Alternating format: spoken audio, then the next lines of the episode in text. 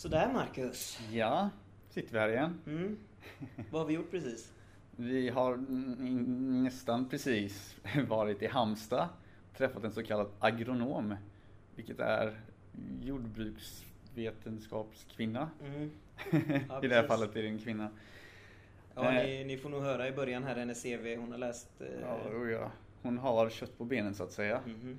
Väldigt, återigen bevandrad Mm. inom miljöfrågor och hon är eh, Ja, hon gav oss en väldigt eh, matnyttig och berikande Mm. diskussion. Ett inspirerande samtal ändå. Ja. Hon, eh, hon såg potentialen i den nya generationen och Jag tror det, Mm, sakta men säkert så absolut. växte den Så, fram. så här borde ni lyssna och vara med oss i kampen för en bättre framtid. Och diskutera gör ni som vanligt på Den lilla, mannen krönik, den lilla mannens krönikas Facebook-sida. Mhm. Så numera har tre ad- administratörer. Ja, precis. Eh, Efter en intern dispyt. Eh, All majs kommer från Mexiko. Vad betyder det, Marcus? Att all majs från början kommer från Mexiko, det är så kallade, vad ska man säga, det är deras... Genpoolen kommer Ja, därifrån. precis. Eh, Men numera så finns det väl lite genmodifierade varianter, vilket vi kommer komma närmare in Ja, på i avsnittet. absolut. Och det blev, blev ett långt samtal detta, men det är Ja. helt klart värt att lyssna igenom Ja. hela detta. Det skulle jag verkligen vilja En av mina påstå. favoritavsnitt eh, hittills i alla fall, får jag nog säga. Ja, eh, ni får ju lyssna på en väldigt kunnig människa och två mindre kunniga människor, men som ändå är väldigt intresserade om inte annat. Vi, vi försöker vara liksom eh, porten till, eh, till den här högre kunskapen som vi själva inte besitter. Men eh, vi hoppas att vi guidar er igenom den djungeln eh, på ett okej sätt. Yes. Ses snart igen. Ha det gött! All majs kommer ju från Mexiko. Det är ju liksom genhemmet för majsen.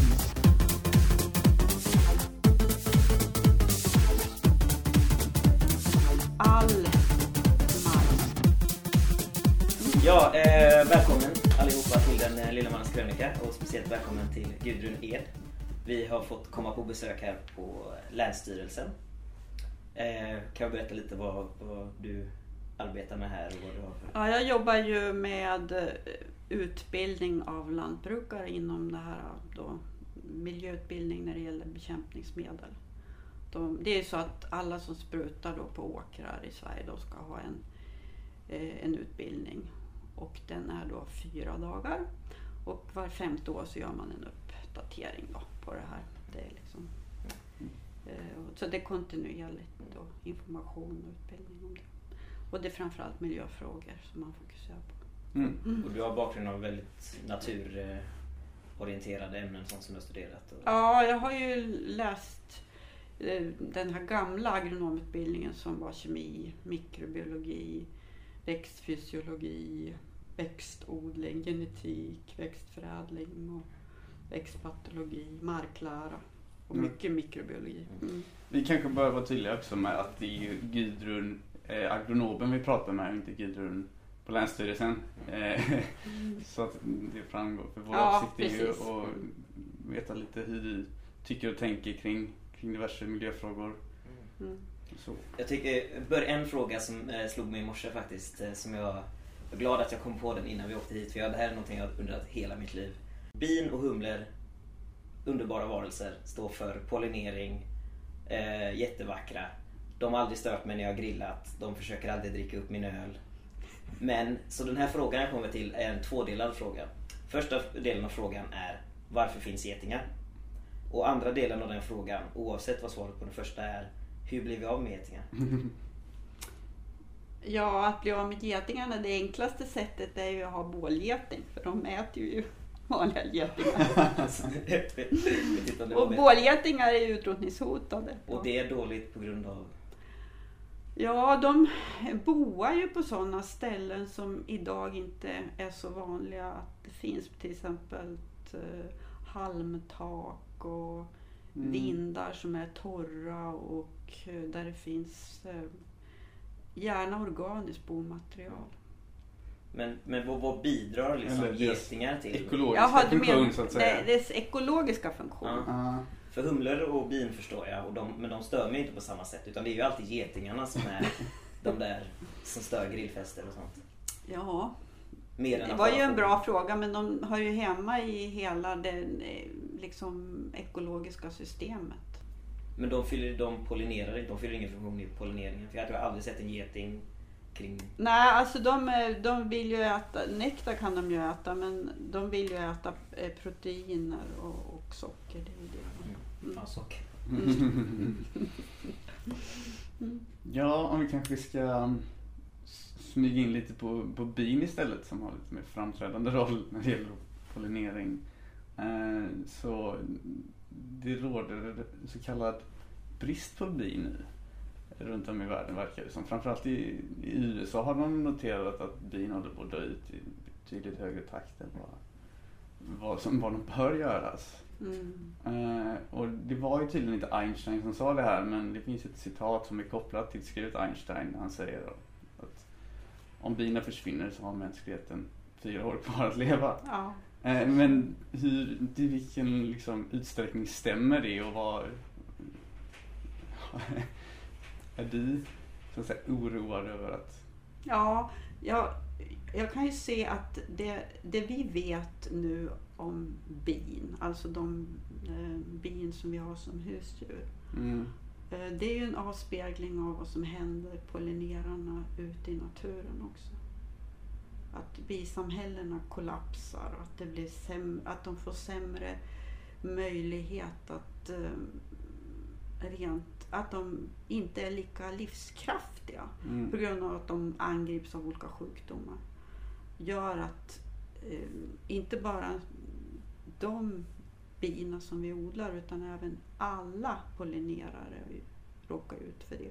Och de är ju skörare för eh, när det gäller bin så sköter man ju om kuporna om man stoppar, eh, liksom stoppar in socker när det liksom saknas. mm, Och, och man eh, ser till att man bekämpar då kvalster och sånt in i kuporna. mm, Medan då de eh, solitära bina och de vilda pollinerarna de är mycket i större grad och drabbade. mm. Det finns ingen som tar hand om dem. Nej. Och då det är ju det är väldigt allvarligt därför att det påverkar ju rent praktiskt inom lantbruket påverkar det ju skördarna. Väldigt. Mm, Oljeväxter och all fröodling utav till exempel klöver är ju beroende utav pollinerare. mm, Eh, Och det märks ju tydligt då, då att skördarna går ner. mm. På rödklöver här i Halland är det väldigt konkret. Att skördarna bara har sjunkit. Ja, det, det är lite oroande utveckling. Men jag har förstått, jag läste en artikel att, eh, jag vet inte vilka, om det var Monsanto och några fler företag som var involverade i att en, eh, en robotgeting som Ja. skulle eh, agera pollinerare då på samma sätt som bina. En ersättning så Det, att det säga. känns ju inte som en långsiktig lösning men är, det bara det kortsiktiga för att liksom, va- vara sist med att förlora skörden eller hur? Jag tror inte att det är någon Det är lösning. ingen lösning alls. Nej, jag tror inte det. Mm.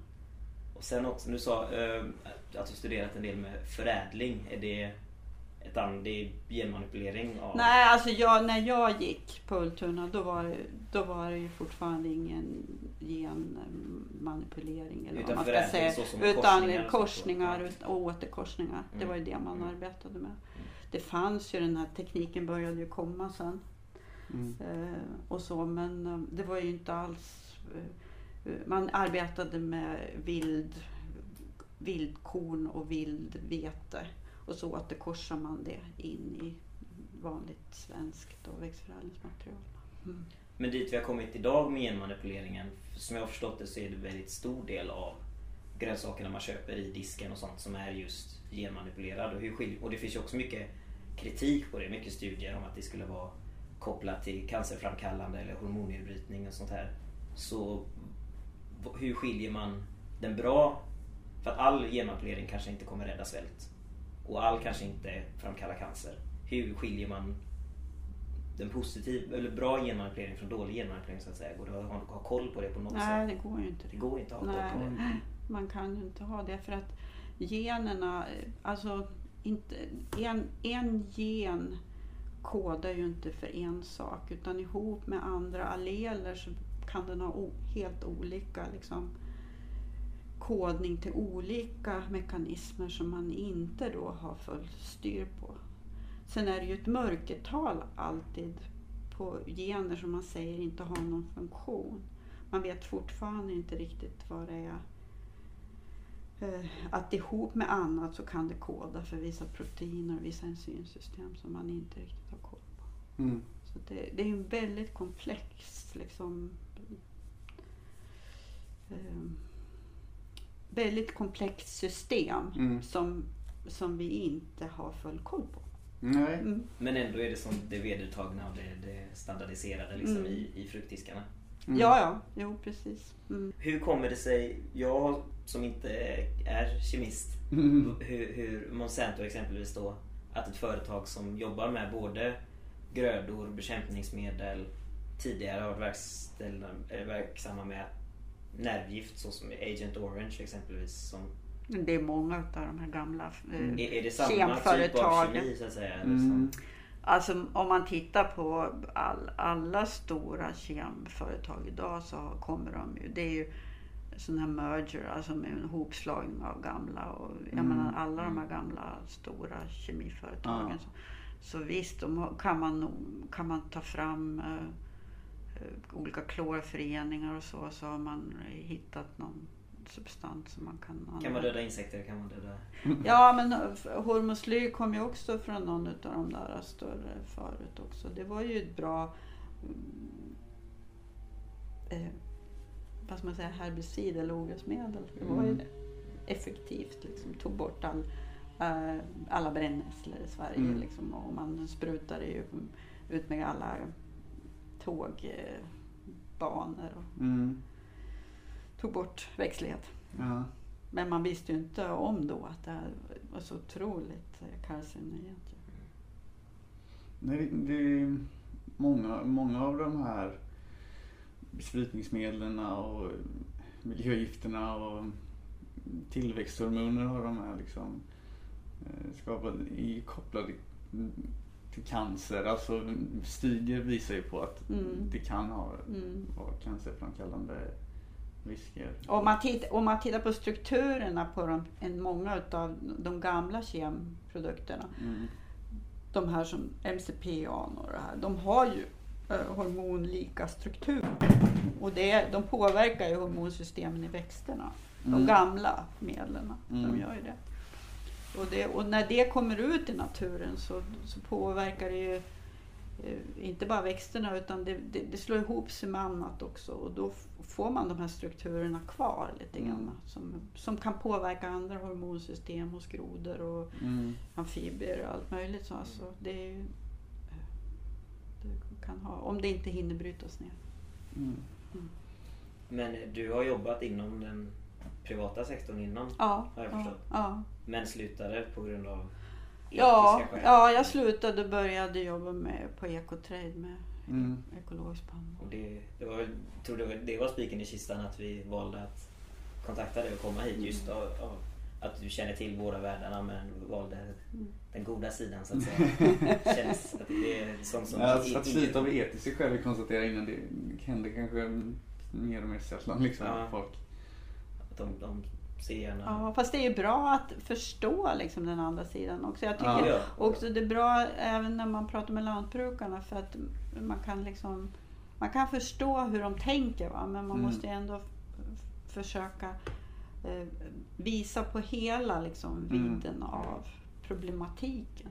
Ett, ett av grundproblemen som jag ser nästan i världssamhället är att vi har särskilt på ekologi och ekonomi.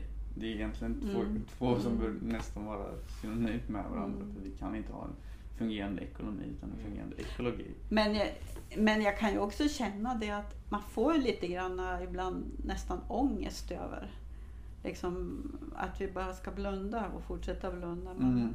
ja, det är ju bara att vi, det måste till lite systemskiften kanske. Mm. Mm. Även om det är tungt. Det är tungt och det verkar inte finnas någon incitament som behövs mm, bland stora aktörer som har eh, ja, som Mm. kan genomföra förändringar. Det som är liksom som riktigt viktigt, liksom, att man inte får ut saker och ting i grundvattnet. Mm. Och att man inte får eh, ut, eh, alltså att, att man på något sätt kan hejda den här, alltså mm, smältningen av isarna. Mm. På något sätt, alltså det som går i alla fall, ta bort stoftpartiklar och sånt där. Mm. Och sen det här att få ut, det, få ut olika typer av kemikalier i våra hav och Mm. vatten. Det, de tre bitarna där tycker Mm. jag är det absolut viktigaste. Liksom.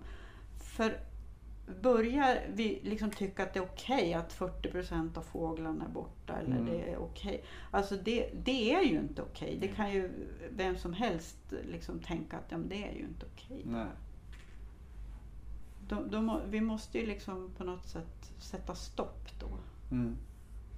Just det som du snuddade vid där med att isarna smälter. för Som jag har förstått det så har det redan påbörjat det som Mm. man Mm. befarade skulle ta lång tid. Mm. Att den kalla, kalla vattnet från den smälta isen påverkar Golfströmmen som redan har börjat sakta ner. Mm. Vilket, och desto mer, det, det är en exponentiell kurva liksom att den, Den bara- den saktas ner tills den stannar. Ja. Och det är väl ja, bland det viktigaste elementet vi har på planeten egentligen, Golfströmmen. Tillsammans Ja, plus att, då, att jag tänker då att när, liksom, när de här, den här permafrosten släpper Mm. också. Metanen. Och Metanen bara sticker. Ja. Mm. Alltså det blir så otroliga konsekvenser. Ja. Ja, man räknar till och med att det är ännu mer akut än vad vi tidigare trott. Att det redan om några år kan börja... Just att det är exponentiellt Ja. så är det svårt att... Mm. Jag har ju varit väldigt mycket uppe i, i Norrbotten för jag jobbar där också. Ja. Och eh, man kan ju faktiskt se på vissa av de här myrarna som har permafrost att det har släppt en del. Mm. Mm. Hela Sibirien är typ ett täcke med permafrost. Så det är, det är lite skrämmande. Ja. Ja, det är ju hela vägen. Ja. Och i Kanada, norra Ja, delarna, Full- hela full vägen. Ja. Mm. Nej, och det blir ju, och då, det känns som att det hamnar lite i skymundan hela metanfrågan. Mm. På grund, eller den här debatten om koldioxid, utsläppsrättigheter och Mm. ja, beskatta utandning och eh, köra på, nej men liksom Mm. sän- sänka halterna från bilarna lite. Ja, lite eller att man inte ska ha kor liksom. därför att Ja. liksom, de pruttar Ja. i stort sett. Det, Ja, det, det känns som världens största rökridå för ett Ja, problem som ja. är så verkligt. Ja. Så ja. att- Mm. Och så just att det blir, ja, permafronten släpper lite och lite metan åker ut och det tillsammans med koldioxiden sätter ju igång. Det blir ju en, Mm. en ond cirkel i sig. Men det, alltså jag tror ju att det här med sotpartiklarna också har en enorm... Tydligen är det ju så att eh, em, på många isar så kommer alltså stoftpartiklar ibland från Kina. De har ju Mhm. släppt ut mycket ute som har varit orenat. Då, eller från, eh, säkert från Ryssland och överallt. Mm. Men just de här små sotpartiklarna bildar ju som ett litet, eh, en liten cell då på is och på snö. Mm. Och då, och som suger åt sig värme då så gör att det smälter mycket fortare. Mm. Ja. Hela den här gröna revolutionen som, som den har titulerats. Hur ser du på det att vi, att vi ger oss in och manipulerar gener på, på våra grödor? För att, Ja, du menar med GM-teknik? ja. Jag, jag, är mest, jag, alltså jag kan se att eh, amerikanerna har använt GM-soja nu i 14 år. Mm. I, eh, och så. Jag är inte kanske så jätteoroad för oss liksom hälsomässigt. För jag, det, man ska inte säga inte, men det har det ändå använts rätt länge nu. Men Mm. vad jag är oroad för det är ju spridningen utav pollen, GM-pollen. Det är jag mest oroad för faktiskt. Mhm. För att, Så att det ursprungliga försvinner. Ja, att vi till exempel när vi hybridiserar aspar så, så, ehm, så kommer den här asp, asparnas, den här, de här GM-asparnas pollen som Mm. ju innehåller sånt som inte har funnits i vildpopulationerna att spridas och uppförökas även i det vilda så vi till slut inte har det vilda, den vilda aspen kvar. På samma sätt som majsen i Mexiko. Mm. För majsen var ju liksom, all majs kommer ju från Mexiko. Det är ju liksom genhemmet för majsen. Mm. Och där eh, sa man ju att vi ska inte tillåta GM-majs överhuvudtaget. I, för att majs är så viktigt för att ha kvar i Mexiko. Liksom Mm. ursprungsmajssorterna. De vilda. Och det kom ju ändå in och det visar ju sig mot allt vad alla sa, att det kunde sprida sig med vildpopulationerna. Mm. Så, och, och, och det är väl då något naivt kanske att tro att inte sånt här kan sp- sprida sig i vilt tillstånd. För det, det tror jag att det kan göra. Jag tror att den, den risken är, är egentligen undervärderad. Därför att vi måste ju liksom värna om vårt genmaterial. Det, för vi ska ju leva liksom senare också. Vi måste ha liksom en, en bredd på genmaterialet. Det vilda. Är det kanske det som är tanken bakom, eh, kommer du att tänka på när du säger det, eh, den här fröbanken eller fröbunken de har byggt i Norge? Ja, alltså det där Svalbard, det är ju naivt att tro att vi ska kunna ha, ha den där fröbanken kvar. Därför att vad, vad man måste göra kontinuerligt, kontinuerligt är att odla, odla, odla. och För det spara. finns ju bäst före-datum Ja. på frö Ja. så att säga. Och, och det räcker med bara någon svampsjukdom eller någonting som har spridit sig, kan sprida sig i kyla. Så har allt det där borta. Mm. Det är liksom, man, vi måste hela tiden, precis som gamla förädlingen höll på, de måste odlade gamla sorter hela tiden, hela tiden, varje, Mm. liksom med jämna mellanrum. Och så spara frö. Mm. Det är så man måste göra för att Mm. liksom ha, Mm. ha kvar de, de här källorna då för olika typer av gener. Ja, och i och med att eh, Monsanto, man räknar med att de 90% av alla genmodifierade modifierade grödor producerar Monsanto och de har väl mer eller mindre monopol på sädesslag runt om i världen. Eh, och de, de producerar ju frön som, eh, som dör av sig själva. Har jag förstått det. Mm, mm. Så man måste köpa nya hela tiden. Mm. Och det är liksom förklarliga skäl av vinstintresse då från Monsantos sida som de har lagt upp det som så. Ehm, Och sätter fattiga bönder i någon form av ofrivillig skuld eller Ja, Mm. de, ja, eller ja, de, de har som ingen val. Nej Mm. precis. Men eh, det är klart att jag vet ju att i Kina så tar de ju också fram GM. ja, Mm. Mm, rätt mycket faktiskt. Men det är ju ett sätt att tjäna pengar såklart. För den som har liksom makten över maten Mm. har ju rätt mycket att säga till om. mm. Monsanto har ju sedan 90-talet köpt upp massvis med utsädesföretag, lokala, Ja. regionala runt om i Ja. världen. Jag vet att Kina, eller Indien och Latinamerika är extra drabbat och nu är de nere i Afrika också och försöker sälja olika former av, Mm, mm, av frön och sädesslag. mm, Och det är också, jag kommer att tänka på eh, både det du säger Marcus och men det du pratade om innan med pollenspridningen. Mm. Som det har varit ett par fall eh, i USA, eller det har ju varit flera. Men, men att, att någon som odlar icke genmanipulerad Mm. majs exempelvis och så Mm. sprider det sig över Mm. till deras ofrivilligt då. mm. Och sen i och med att Monsanto då har patent på de här. Ja, de har Mm. markörer på de här Mm. pollerna Precis, också. så då blir de bönder stämda för att det växer majs Mm. som Mm. innehåller del, Deras. från Mm. Mm.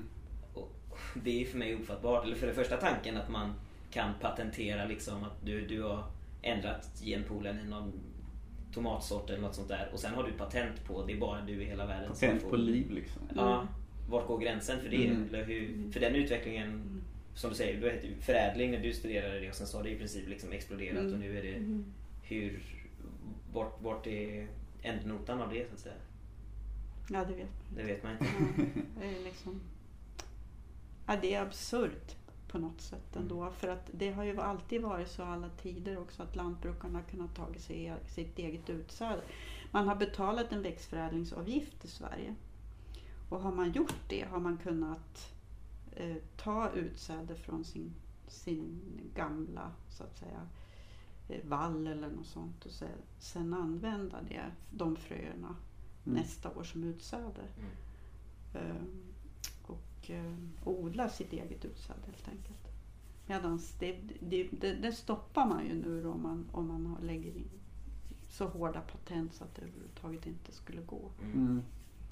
För en naturlig men skrämmande utveckling jag ser av detta det är både att ja, som har också blivit mer aktuellt senaste bara decenniet kanske då, eh, kloning av djur eller genmanipulering Mm. av både lax och gris och Mm. allt möjligt.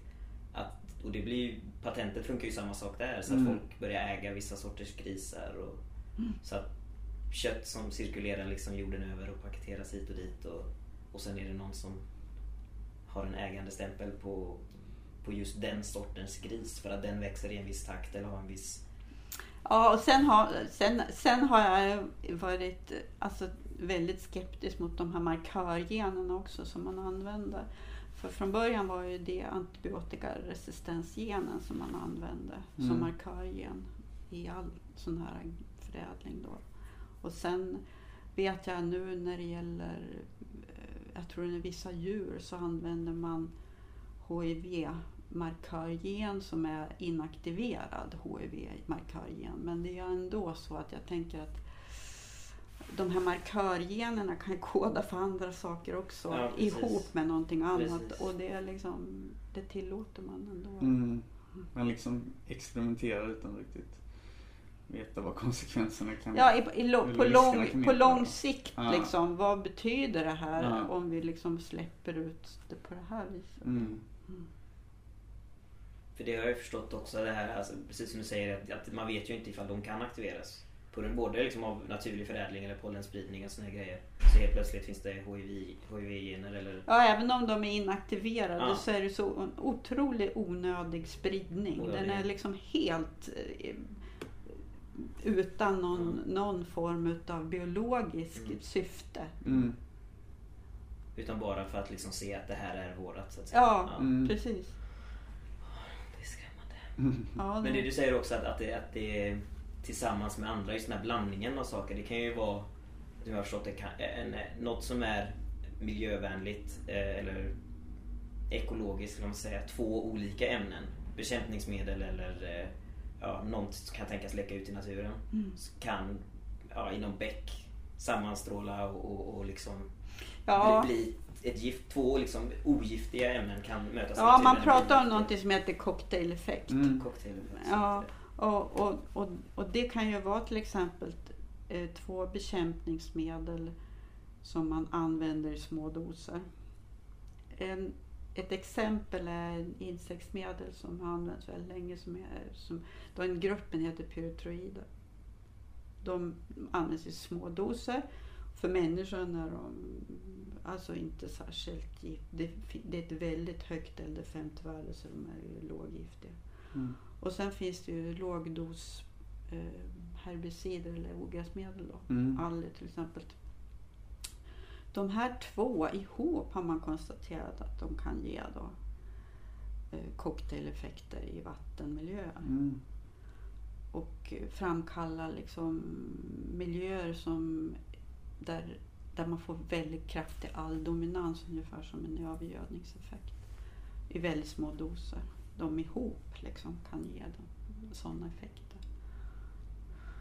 Och eh, jag föreställer mig överhuvudtaget att just alla de här cocktaileffekterna med olika saker som, vi plock, som, som kommer ut i vattenmiljö just i, i jordbruksmark, att det är väldigt mycket som vi inte vet riktigt konsekvenserna av. Mm.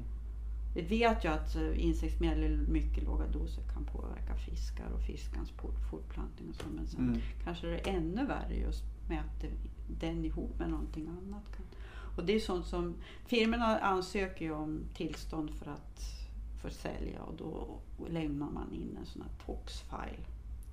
Både på ämnet och på formuleringen. Och då ska man ju göra en massa miljöstudier på mm. dem. Men man gör ju aldrig de studierna ihop med de andra medlen som också kommer ja. ut i miljön. Nej, det är ju väldigt svårt att göra ja. liksom, studier för ja. alla tänkbara ja. cocktails. Som ja. Kan... Mm. Mm. Ja, det var ju mindre motiverande. Men, man, men eh, jag kan också, eh, alltså till och med i grundvatten i Östersjön mm. Kan man hitta bekämpningsmedel. Så man borrar sig ner i Östersjön under havet och kommer ner till grundvattnet kan man hitta bekämpningsmedel. Att man i alla fall kan hitta det där, det känner jag liksom. Att där går väl ändå gränsen. Ja. Man vill ju tro att gränsen går någonstans, ja, men det verkar ja, inte så. Nej. I de här stora jordbruksområdena, ja. USA, Ja, Kina har ju mycket GM och Australien har Mm. Sydafrika och väldigt mycket Sydamerika. Ja. Brasilien har ju GM-soja väldigt, Ja. väldigt mycket. Och, men i USA är det ju inte bara GM-soja, det är ju väldigt många andra grödor. Så i en växtföljd så har ju de flesta då grödor GM, eh, GM ready. Mm. Så det innebär att du varje år då sprutar du Roundup mot ogräs i, dem, ja. massa olika grödor. Då blir ju trycket med glyfosatanvändningen blir väldigt hög. Mm. Och då får, kan man ju mäta, hela Mississippi-deltat kan man ju mäta i luften att man har Ah. höga halter, eller ja, förhöjda halter utav glyfosat. Men, men när, vi, när vi sprutar glyfosat eller Roundup på våra Mm. svenska grödor, eh, finns det risk för att själva grödorna tar skada?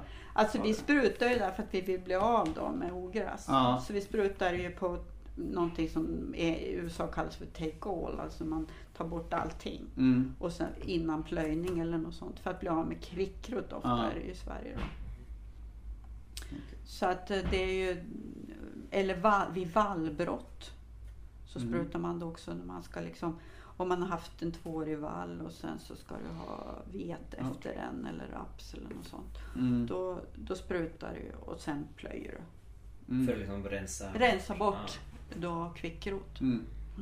Men eh, vet man långvarig eller har man förstått vad det kan komma att skada för naturen eller för... Ja, om marken liksom blir förbrukad för den näring. Så. Det tror jag inte är någon Nej. större risk. Utan det är, ju, det är ju det att helt enkelt att den här... Dels att det inte bryts ner så fort. I, och det är ju akvatiska miljöer framförallt som man får vara försiktig. Mm. Alltså när det kommer ner i bäckar och åar. Mm. Och det gör ju det väldigt lätt i Sverige för vi har hemskt mycket vattendrag. Mm.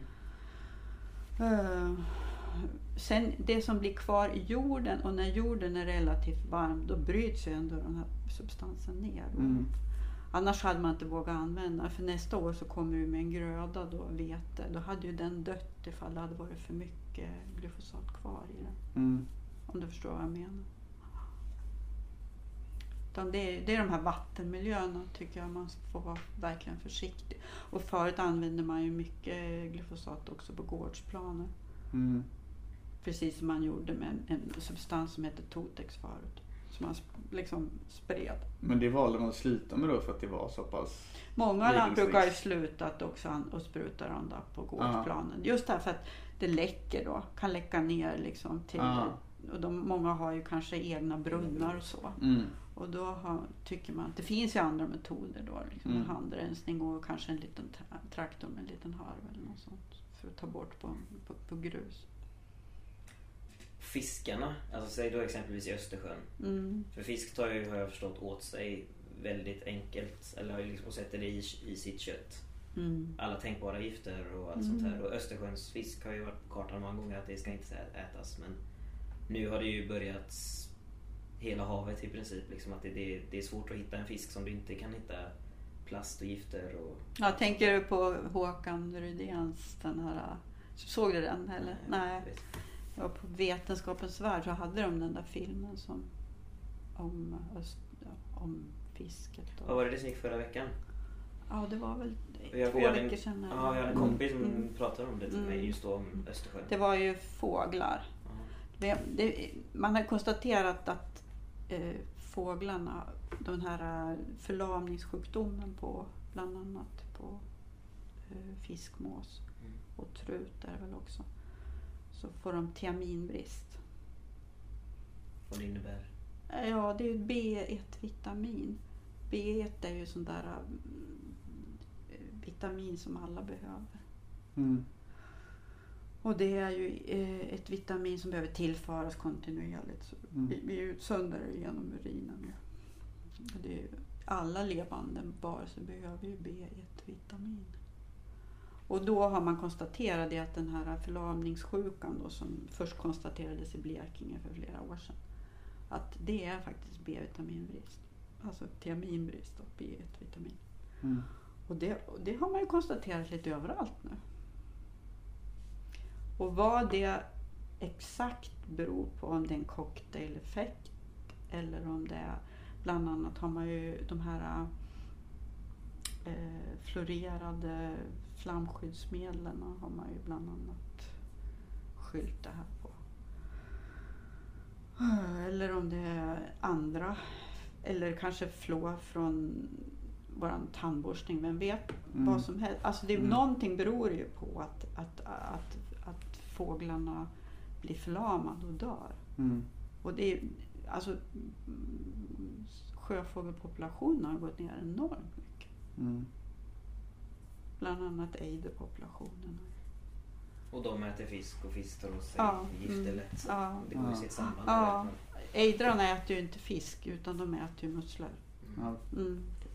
Men det är i alla fall ett djur Ja. som de Mm. äter. Ja. Mm. som lever i vatten. Ja. det är en hel grej. Men eh, ni ska se det programmet. Det är Ja. bra. Det ja, det, är bra gjort också. Liksom. Mm. Så man blir uppskrämd, det ska man bli. Utav såna grejer. Är du en sån som väljer att handla ekologiskt när du köper mat och så? Eller? Ja, rätt ofta. Ja. Men jag är inte slav, det är jag inte. Nej. Jag har en bra mm, tomatodlare hemma som inte är ekocertifierad men han använder ju bara såna här, man sätter in lite rokhalster och sånt Mm. men inte något annat. För, för att klara upp lite termer här, för jag, jag har försökt, försökt stirra mig blind på det här. Just ekolo, när någonting är ekologiskt, när man går och köper tomater exempelvis Mm. i, i grönsaksdisken. Så är det vanliga tomater och sen eh, ekologiska tomater. Mm. Men att någonting är ekologiskt betyder bara att det är odlat utan bekämpningsmedel. Nej, när det gäller om man tittar på kravcertifieringen som Ja. du kanske ska göra. Jag vet inte om vad, för det finns olika certifieringar. För Ja. EU-ekologiskt så finns det kravcertifiering och så finns det an- eh, det här som Demeter också som gärna, alltså det här antroposofernas. Mm. Den certifieringen finns ju också. Men om man eh, tittar på kravcertifiering på tomater då har man ju åtminstone tidigare krävt, jag, jag har inte tittat på sist, men jag tror att det är faktiskt så fortfarande då att man odlar, ska odla tomaterna i jord. Mm. Och inte hydro eller... Inte, nej, och, eller då eh, de här stenmjöl, eller stenullen som man använder. Ja. Utan, eh, och, utan man ska ha vanlig jord. Det har krav förut haft som Ja. att, eh, att det... Men kan ett bli, krav. och sen organisk är att det inte är GM. organisk biologisk odling. Alltså det var ju det var ju något som fanns tidigare men jag tror att allt det har gått in i krav, har inte det? Jag, jag, jag vill inte tro det. Ja. Men eh, det är lite svårt för det känns nästan som begreppet ekologiskt har exploaterats lite då i förmån för Ja, för att alltså den här, om man ser, om man ser till EU-ekologiska så är det mycket, vad ska man säga, friare än vad krav är i sina regler. Mm. Och där har man då till exempel tillåtit vissa bekämpningsmedel när det gäller vinerna. Mhm. Så att eh, kopparmedlen är tillåtna där till exempel. Och så. så att där är det, alltså det är ett lösare regelverk kan man säga än, än vad krav är. För Mm. man har ju alltså, när man går och handlar så är det ju att man, man plockar ju gärna någonting som bara, det står ekologiskt och kanske inte kollar Mm. exakt vilken typ av Typ, nej, nej, så är det ju. Och, och sen när man väl sätter sig in i det så förstår man att det är en hel liksom, vetenskap och olika tolkningar och teorier. Det finns ju studier som visar si och så. Och det är svårt. Men sen också alltså, att kolla på och, och köpa lite frön inför att börja odla någonting i, Mm. i sommar. Och att ja, det är väldigt svårt att hitta så organiska frön som inte är genmanipulerade Mm. frön utan bara en helt hederlig vanlig Organisk. svensk. Ja. vanlig Mm. svensk organisk Ja. tomat eller jordgubb eller vad som helst. Mm. Och då blir jag tvungen att gå till vissa speciella hemsidor liksom, där det, som specialiserar sig på det. Och då, ja, så är det ju i USA också. Ja. Ja. För det, Mm. det försvinner ju mer och mer. Ja, Och på mm. samma sätt som du sa med pollenspridningen att man borde ändå hålla hårt i ursprunget och, Ja. och vara- rädd om... Det blir extra läskigt när man ser att de här organiska fröen som såls är liksom utsålda. Man får eh, ställa sig in en väntningslista Ja. liksom.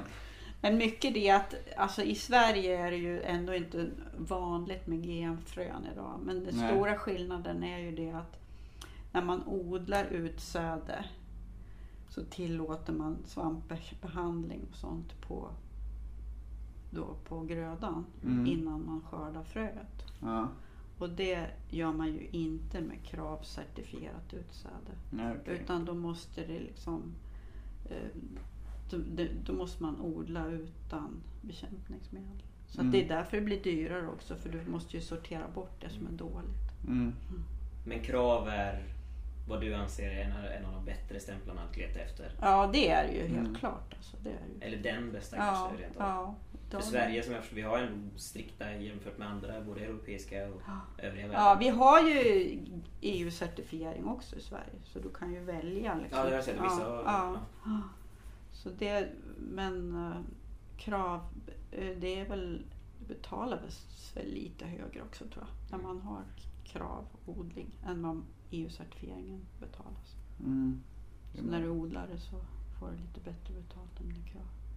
Men tror du det är möjligt att en, en vara i valfri eh, livsmedelsbutik som är stämplad som ekologiskt ändå kan vara en genmodifierad gröda? Som, eller ursprungligen genmodifierat. Jag vet inte faktiskt. Jag, jag vet inte riktigt. Alltså jag vet ju att i USA är det ju nästan svårt att få tag på det som inte är Ja. modernt förädlat om man säger så. Som bara, egentligen ska det ju vara bara vanligt återkorsningsmaterial liksom, sånt som man har kunnat få in på naturlig Ja. väg. Då. Jag har läst någon, någon, eh, någon statistik som jag bara drar ut. Har man inte nu med att det ska vara 70-80% i USAs livsmedelsbutiker är då eh, kommer från GMO. Mm. liksom- Någon form av GM alltså. Ja, precis. Mm. Någon form av Mm. För det, Mm. Allt har ju, det mesta har ju någon typ av ursprung i, i våra grödor. mm. Jag vet ju att vi har ju, ni vet ju att svenska kor får inte äta GM-soja. Så är det ju. Vi har ju liksom bestämt oss för det. Mm. Och det har ju varit svårt för eh, de här företagen som Mm. eh, säljer foder att få tag på Mm. soja som inte är GM. Mm. Och den, den kostar ju mer också. Ja.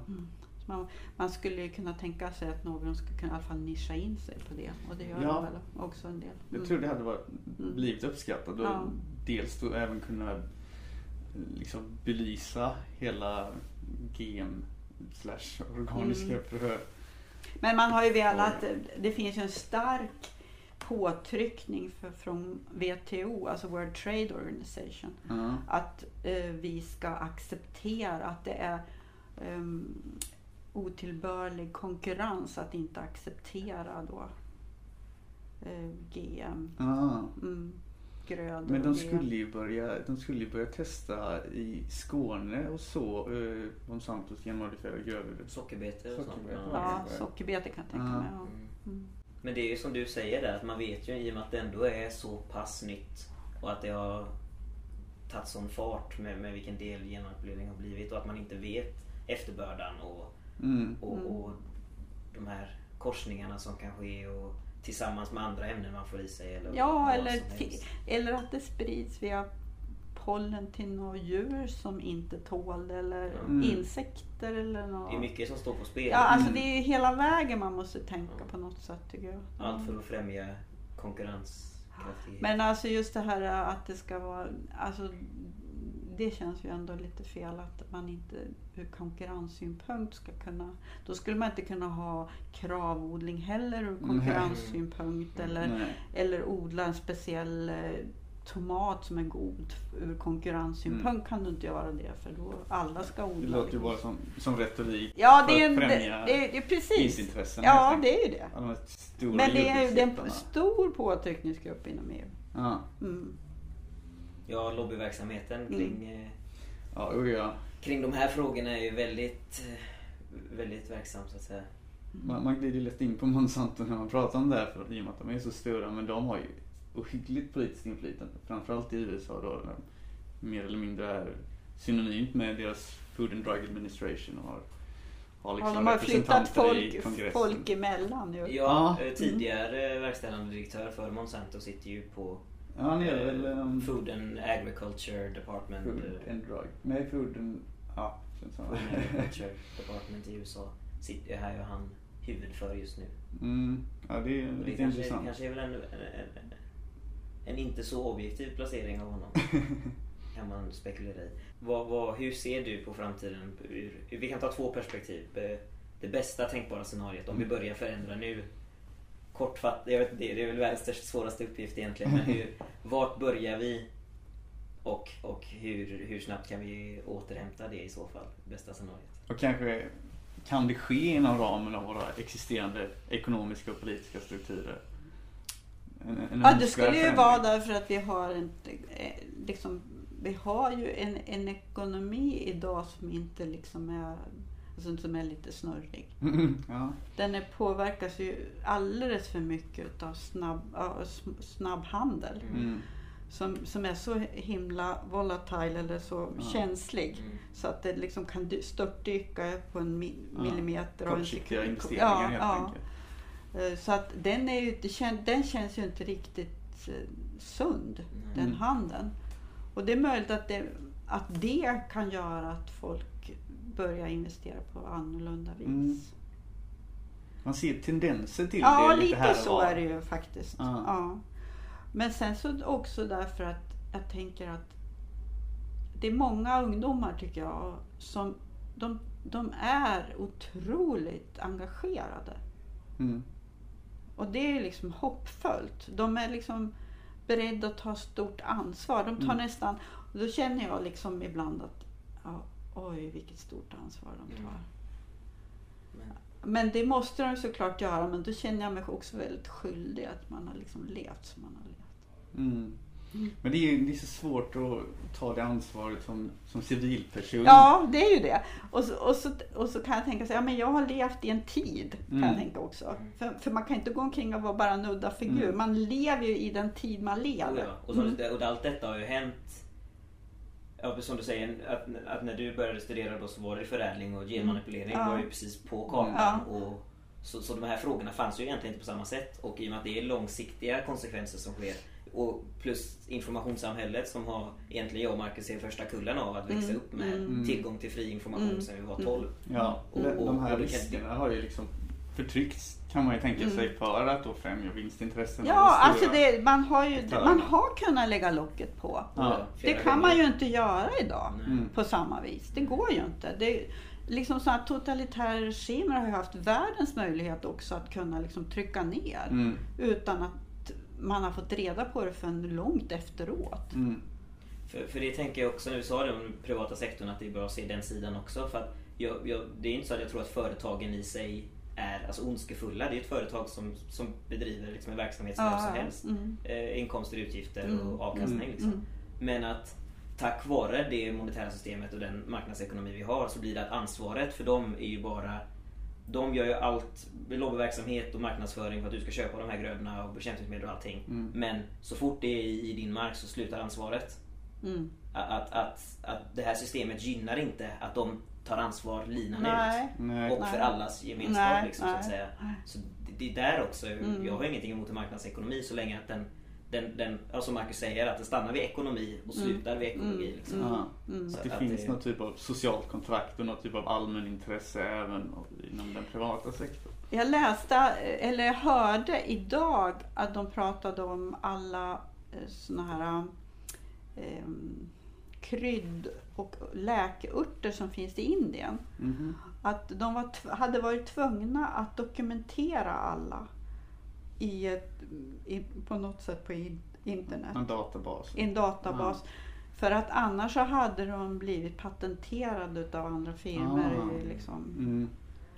Och, men fanns de dokumenterade i, i, i någon form av databas, det var ju flera hundratusen, Mm. så, eh, så kunde man inte lägga ett slag, beslag på patenten. Mm. På, Det är skönt att folk arbetar med sånt också. och då tänker jag, men vilket ans... Det var väl väldigt bra att de hade kommit på det. Att de, var- Ja. ja, men alltså jättebra. Men det är ju lite fel på lagstiftningen, patentlagstiftningen. Ja. Bara för att det finns på någon digital databas någonstans.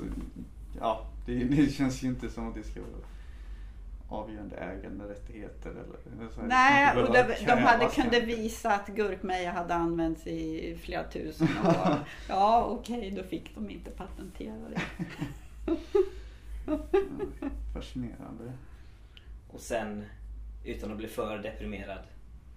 Det sämsta tänkbara scenariot. Hur, hur snabbt, om, om alla fortsätter i den, alltså konsumtionen och som vi pratade om med, med Kurt och Heinz om sist då att inom eh, sju år eller innan 2020 då så räknar de med att närmare en och en halv miljard asiater ska stiga upp till medelklassen. Mm. Vilket betyder en helt nytt tryck på både liksom konsumtion och, och, och, sen all, all återvinning som ska försöka göras av det. Ja. Men det blir ju också för, för produ, produktionen ja, Mm. och, och allt det här. Så hur, hur om det fortsätter i, i den eh, lika mycket nerför som det gör tillsammans med Golfströmmen, metantäkterna. Klimatvänliga resursförbrukning framförallt tycker jag är väldigt skrämmande. Hur- Ja. Att vi kan riskera, vad är det de säger, 2030 att 4 miljarder människor inte har tillgång till rent eh, liksom. Ja, vatten. Va- Ja, det är Ja, ju- vatten är ju det absolut Mm. största Ja, ja frågan. det är, jag läste någon sån Mm. NASA-rapport om så, så simpelt egentligen före och efterbilder på sjöar Mm. som innan har varit bland de topp 10 sjöarna i Ja, världen. tänk liksom. Aralsjön. Mm. ja, Mm. som, som är dränerad till Mm. 80% eller Ja, något sånt där. mm. Mm. Och, så hur illa, just för att kanske få våra lyssnare att förstå hur illa det kan gå. Eller liksom. Mm. För som du sa, det bästa tänkbara snarare det är ju ungdomars, eller den nya generationens liksom ansvar att vi ligger på, och trycker Ja, på och ja, fortsätter med det här. mm. Men om vi inte gör det, hur skulle det kunna sluta och hur snabbt skulle det kunna gå? Ja, det är ju jättesvårt att säga. För att vi har ju sån självbevarelsedrift också. Mm. Och... eh, Ja, För det tänker jag också, precis som du säger, vi har ju en tendens att, att hitta lösningar när... ja när det är det. Och så just att jag tänker att den tekniska eller mikrotekniska ut, eh, utvecklingen är ju jätte, jättesnabb hela Mm. tiden. Mm. Och snabbare blir den. Mm. Mhm. Den är ju också exponentiell. Ja. Som tur är. Som tur är ja. Mm. Så då jag tänkte på att bara när jag såg den där, det var något om Kina, att det var någon stad som, hade, som var um, helt självförsörjande på el eller vad det var. Mhm. hade. Att det finns ju liksom, och jag tänker också på öknen, att det finns ju väldigt mycket liksom, just när det gäller solenergin idag är ju Mm. väldigt välutvecklat. Jag funderar på att konvertera saltvatten till dricksvatten. Ja, det finns går. väl Det finns, det var- finns olika teknologier för det. Mm. Och saltvatten har vi så det räcker att bli över. Mm. Kan man ju- Mm. Mm. Ja, det har man ju sett. Jag var på Kap Verde här om månaden. Ja. Och då, har de, då var det helt fascinerande. Då pratade jag med många som sysslade med utvecklingen av ön då. Och just sötvatten är bland det svåraste där. För att de, det är ju bara en sandbank i princip, Mm. några av Mm. öarna. Men att de ändå börjat bedriva odlingar där. Och så tänker jag, är inte det väldigt slöseri på... Men så förklarar de nog att de hade, fast i mindre skala då, anläggningar som eh, tog saltvattnet och bara avsaltade Mm. det och kunde Sen kunde de använda det. använda och Mm. bevattna och till dricksvatten och, och, och, och, en, och ett återcirkuleringssystem och grejer så att det finns liksom. Mm. Och går det i liten skala, tillräckligt resurser så går det ju att Mm. skala upp det. Jag tänkte också, det var vid något tillfälle när vi pratade om gamla ra- lantraser så, eh, så visar det sig att såna här eh, var gutefår eller ut, gotländska utegångsfår att de kunde klara mycket högre salthalt i vattnet. Att Mm. dricka vatten som har hög, högre Mm. salthalt Mm. än vad vanliga får kan. Mm. Och det är ju naturligtvis liksom, genom Ja, århundraden har man liksom, ja, och kunna lä- lämna får på öar. Mm. Och de har klarat sig på havsvatten helt enkelt. Mm. Som är bräckt Mm. vatten. Då. Så vi får helt enkelt evolvera till att tåla saltvatten. Men det finns ju filter som bara som filtrerar ut allt utan Ja, vattenmolekyler. jag tänkte precis komma till det nu också Mm. faktiskt. Och- Och här Lifesaver System. De kan avloppsvatten och parasiter och bakterier. Det är mer Urin liksom. Ja, med små nanofilter. Men just då saltvattnet blir är bland det svårare. Eller urin tror jag den kunde rena fyra gånger. Mm. Men avloppsvatten 2000 gånger. Så att det blir... Mm. Så salt kanske är det är svårare än vad man tror att Mm. få bort. Ja, det är ju en sak som vi måste lösa. Mm. Mm. Det här med avloppen. Mm. Och åter, återvinning utav fosfor och kväve den vägen. Mm. Det är ju nödvändigt Mhm. att få tillbaka. Vi kan Går inte- det att motverka all den skada som har skett både i haven och i is? Går det går det att få isen att lugna sig? Eller, eller är det Men jag menar bara det att du bygger ut våran egen ren, våra egna reningsverk skulle ju betyda jättemycket. Att det inte, vi inte tillåter breddning utav avlopp till exempel som man Mm. fortfarande gör i Sverige. Det är ju helt absurt. Och det, då är det klart att då skulle man ju naturligtvis också önska att folk, att vi satsade på eh, separerade toaletter också. Mm. På något sätt, det, något system för det. Och det kostar ju för mycket. Alla säger bara att det kostar för mycket. Men det kostar ju jättemycket också att förstöra. Ja, och då, då kommer vi tillbaka till det igen. Mm. Att det kostar för mycket. Ja, men vad, vad, vad, Vem är det som får betala det notan? vem, vad, vad är det du sätter pris på mm. egentligen? Liksom Mm. i slutändan. Den här, den här papperslappen med, Mm. eller nollor på banken. Liksom, och vad, vart har det ens någonting Mm. att sätta emot Mm. planeten och våra barns framtid? Liksom. Ja. Jag har en liten, en liten teori som, eh, eh, jag tar själv ingen politisk ställning men jag, jag tänker så här att om några år så kommer nog alla eh, ångra att vi inte röstade på Miljöpartiet oavsett vad de skulle kunna genomföra nu och hur mycket politisk kraft de egentligen har. Men när vi väl inser vad vi, vad vi håller på att göra långsiktigt så tror jag att vi, det kommer bli en tankeställare om några år för många människor. Vad, vad vi inte gjorde när vi ändå när vi ändå visste om det och hade ja, kunde göra det. Men Mm. man får hoppas att det inte går så långt.